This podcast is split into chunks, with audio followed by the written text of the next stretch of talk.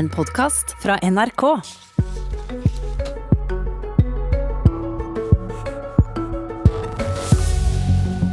Arbeiderpartileder Støre med plan for hva han vil ha gjennomført de første 100 dagene dersom han blir statsminister.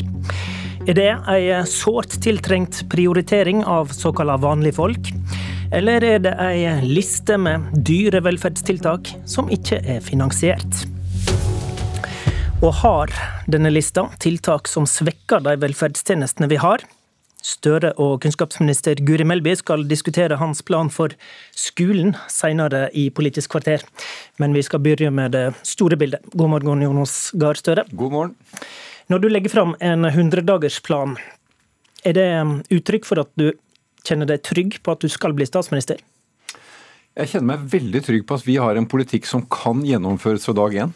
Eh, og jeg har jo håp om at vi kan få et flertall hvor Arbeiderpartiet kan komme i lederposisjon. Eh, og så har vi sagt at nå er det vanlige folks tur. Vi sier arbeid, slå ring om velferden, kutte utslipp og skape jobber. Og så vil vi vise med disse 40 punktene at det kan vi komme i gang med de første 100 dagene. Det er jo litt sånn mål som mange land setter seg da, eh, på å vise velgerne ganske fort at det er en retning. og Jeg synes det er en fin måte å, å, konkretisere et stort program på, at vi skal se resultatet med en gang. Men 40 punkt det er fortsatt litt for langt for en del velgere. Hvis du skal Eh, dra fram det aller viktigste. da. Hva er det viktigste du ville ha gjort først, hvis du blir statsminister? Ja, Det er samlet løft for dette med arbeid. Altså kvalifisere unge til arbeid. Ha tiltak som kan få eksporten opp. Ha eh, en vilje til å engasjere en mer aktiv næringspolitikk for å støtte små og mellomstore bedrifter når de skal gjøre store omstillinger. Støtte det teknologiske skiftet vi har. Og En del av Arbeiderpartiets tilnærming, tilnærming, er jo da at da må vi også ha et seriøst arbeidsliv. Eh, så det å ha punkter for å med en gang vise at vi skal ha et mer seriøst arbeidsliv, vi vil ha en norgesmodell som gjør at når det offentlige kjøper, så stiller vi krav om lærlingeplass, seriøsitet osv. Alt dette henger sammen. Mm. Og så er det noen helt konkrete ting vi sier som vi ønsker å snu om på. fordi Når vi sier det er vanlige folks tur, så er det fordi at de med mest har stått først i køen, har bestemt de store sakene og de store pengene. Og vi viser på noen konkrete punkter at nå blir det en annen tenkning. Og de ni første punktene dine handler jo om skatt, eller hva folk betaler for velferd, som f.eks. barnehage, SFO og ferje. Er det din analyse at egentlig det er den store samfunnsutfordringa for Norge i 2021? Det å få ned forskjeller er en stor samfunnsutfordring. Eh, og det er ikke bare skatt som løser det. Men skatt skal ha en annen profil. De som tjener 750 000 og under, får noen lettelser. De over må betale noe mer. Det går opp i opp.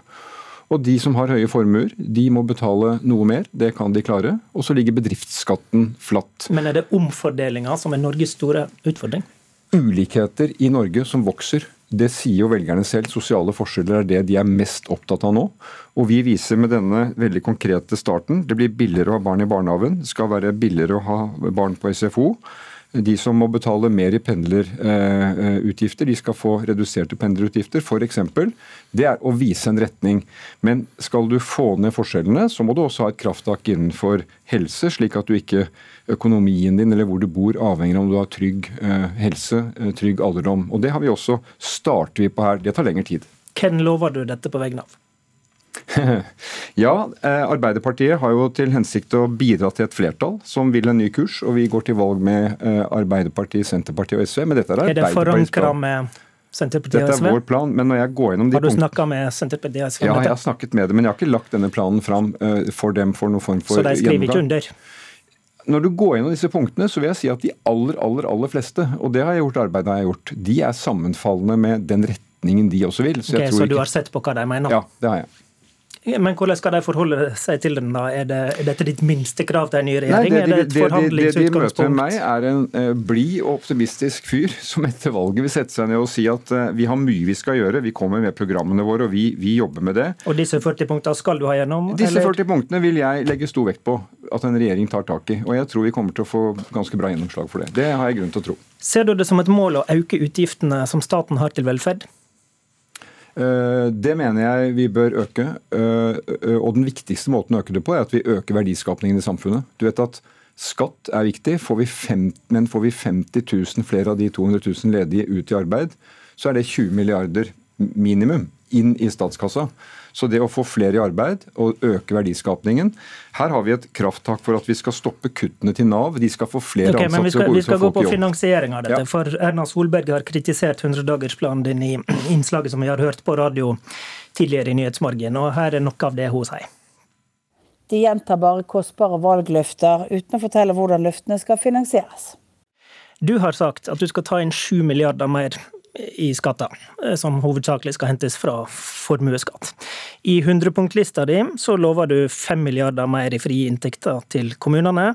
Da har du to milliarder igjen av de eh, sju. Og så eh, skal du eh, halvere ferjepriser og redusere barnehagepriser med 2800 kroner i året. Og da har du brukt ca. to milliarder, og så skal du i tillegg gi mer til sykehus, psykisk helse, kulturløft, momskompensasjon, gratis eller subsidiert tannlege til unge voksne.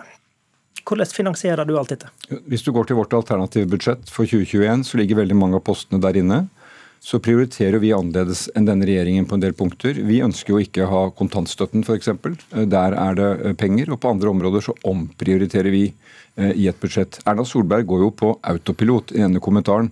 Dette er et krafttak nettopp for arbeid og for et trygt arbeidsliv og for å få med folk som ellers er blitt satt på utsiden av henne. Vi hørte innslagene... Men du finansierer jo ikke alt dette eh, med, med den skattedreiinga di på 7 milliard? Nei, ikke alt på skattedregningen. En del kommer der, og en del kommer gjennom andre prioriteringer, omprioriteringer som, eh, som vi gjør. Vil ei større regjering bruke mer oljepenger?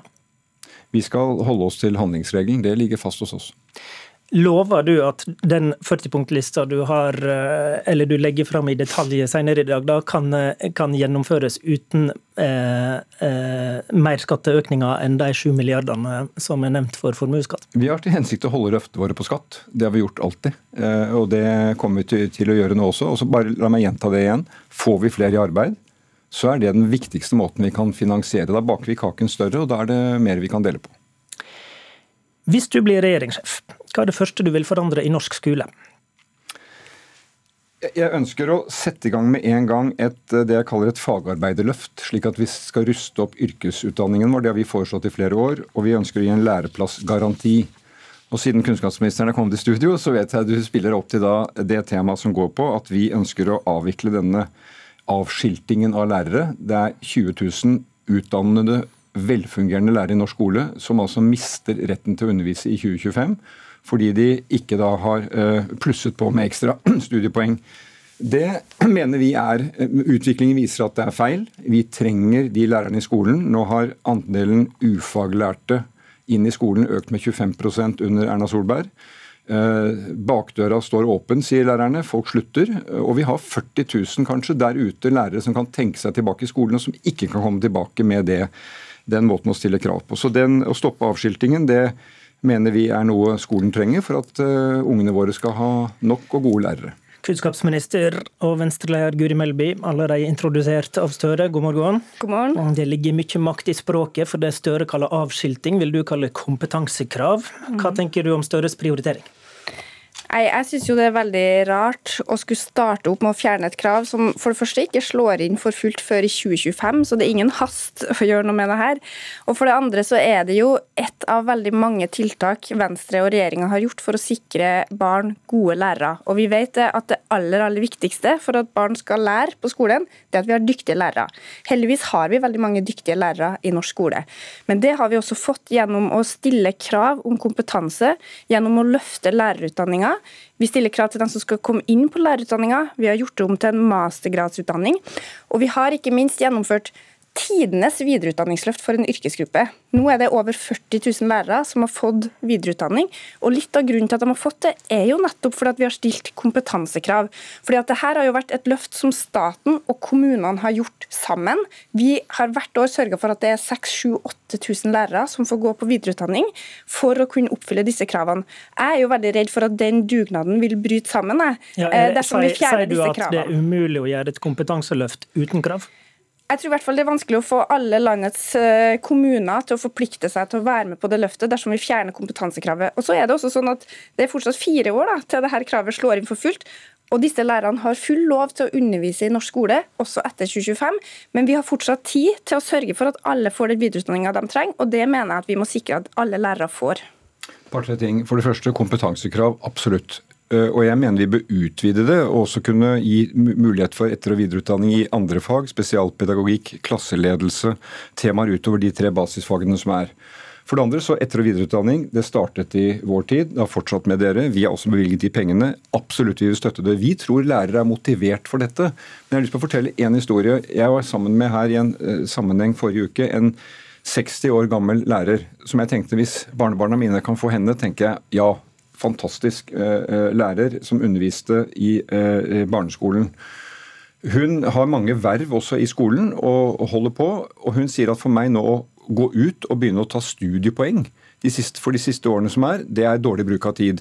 Men hun vil altså i 2025, det er fire år til, da er hun 64, da vil hun miste den posisjonen hun har som lærer. Det mener jeg er et helt feil signal. Og la meg understreke det, du snakker om kommunene, Guri Melby. Ja, Vi ønsker at kommunene skal ha en plikt til å lage en plan for denne etter- og videreutdanningen eh, av, elevene, av lærerne. I dag er det veldig mye opp til hver enkelt lærer. Kommunene bør ha en plan for det. Tillit til lærerne handler om å ha tillit til de som var utdannet før 2014.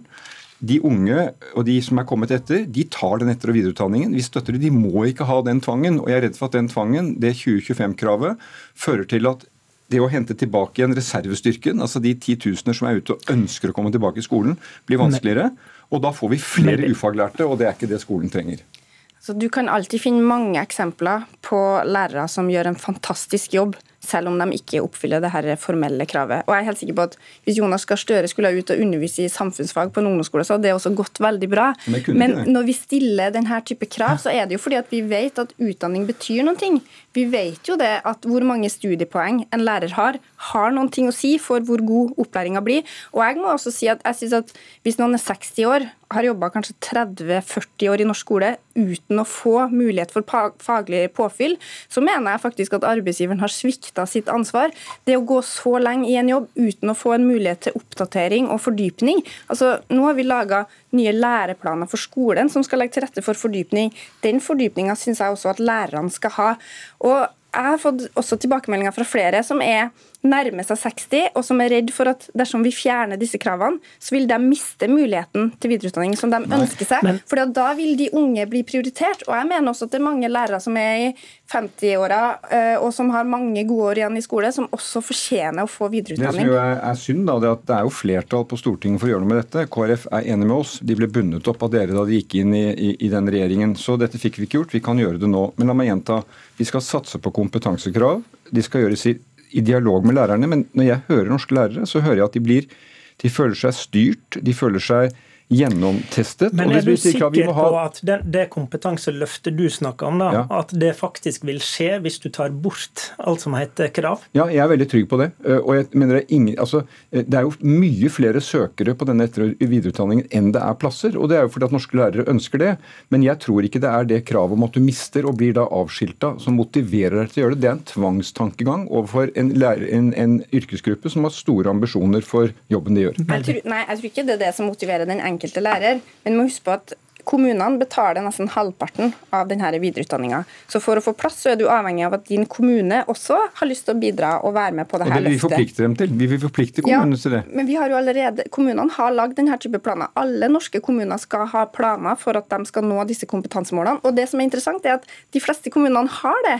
De fleste kommunene har lagd planer som viser at vi kan nå målet om at alle lærere som trenger det, skal få påfyll innen 2025. Så jeg er jo veldig optimistisk, men det krever jo at man har en regjering som faktisk vil satse satse på videreutdanning. Det er helt riktig at den rød-grønne regjeringa starta med det, men da var det snakk om noen hundre i året. Nå er vi oppe i 7000 i året ja, som får det. Det har vært en massiv satsing, og den Melby. må vi forplikte oss på å videreføre. Melby, det som ligger bak Aps hovedprio, eller det Støre sier her, er jo egentlig en hovedsatsing på flere lærere i skolen.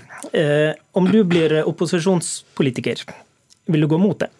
Altså Nå er det 3500 flere lærere i norsk skole enn det var da vi hadde en rød-grønn regjering. Det har heller aldri vært så mange kvalifiserte lærere som det er nå. Så de tallene som Jonas Gahr Støre viste innledningsvis, er ganske misvisende. For ja, vi har et, en utfordring med ukvalifiserte lærere, særlig i noen landsdeler. Det er jo nettopp derfor vi satser på videreutdanning. Men det har aldri vært flere kvalifiserte lærere i norske altså, klasserom, og det er kjempeviktig for elevene. For det betyr at de lærer mer. Og nå har vi rekordmange som fullfører videregående skole står 50 av spesialundervisningen skjer av lærere som ikke er faglærte for det. Andel ufaglærte er økt med 25 Slik at når du tar avskilte folk, det som skjer da, er at da kommer det reservestyrke inn som er ufaglært. Hvis vi skal ta hele den statistikkdebatten, så må vi ha sju politiske kvarter. Takk for dette. I studio, Håvard Grønli. Du har hørt en podkast fra NRK. Hør flere podkaster og din NRK-kanal i appen NRK Radio.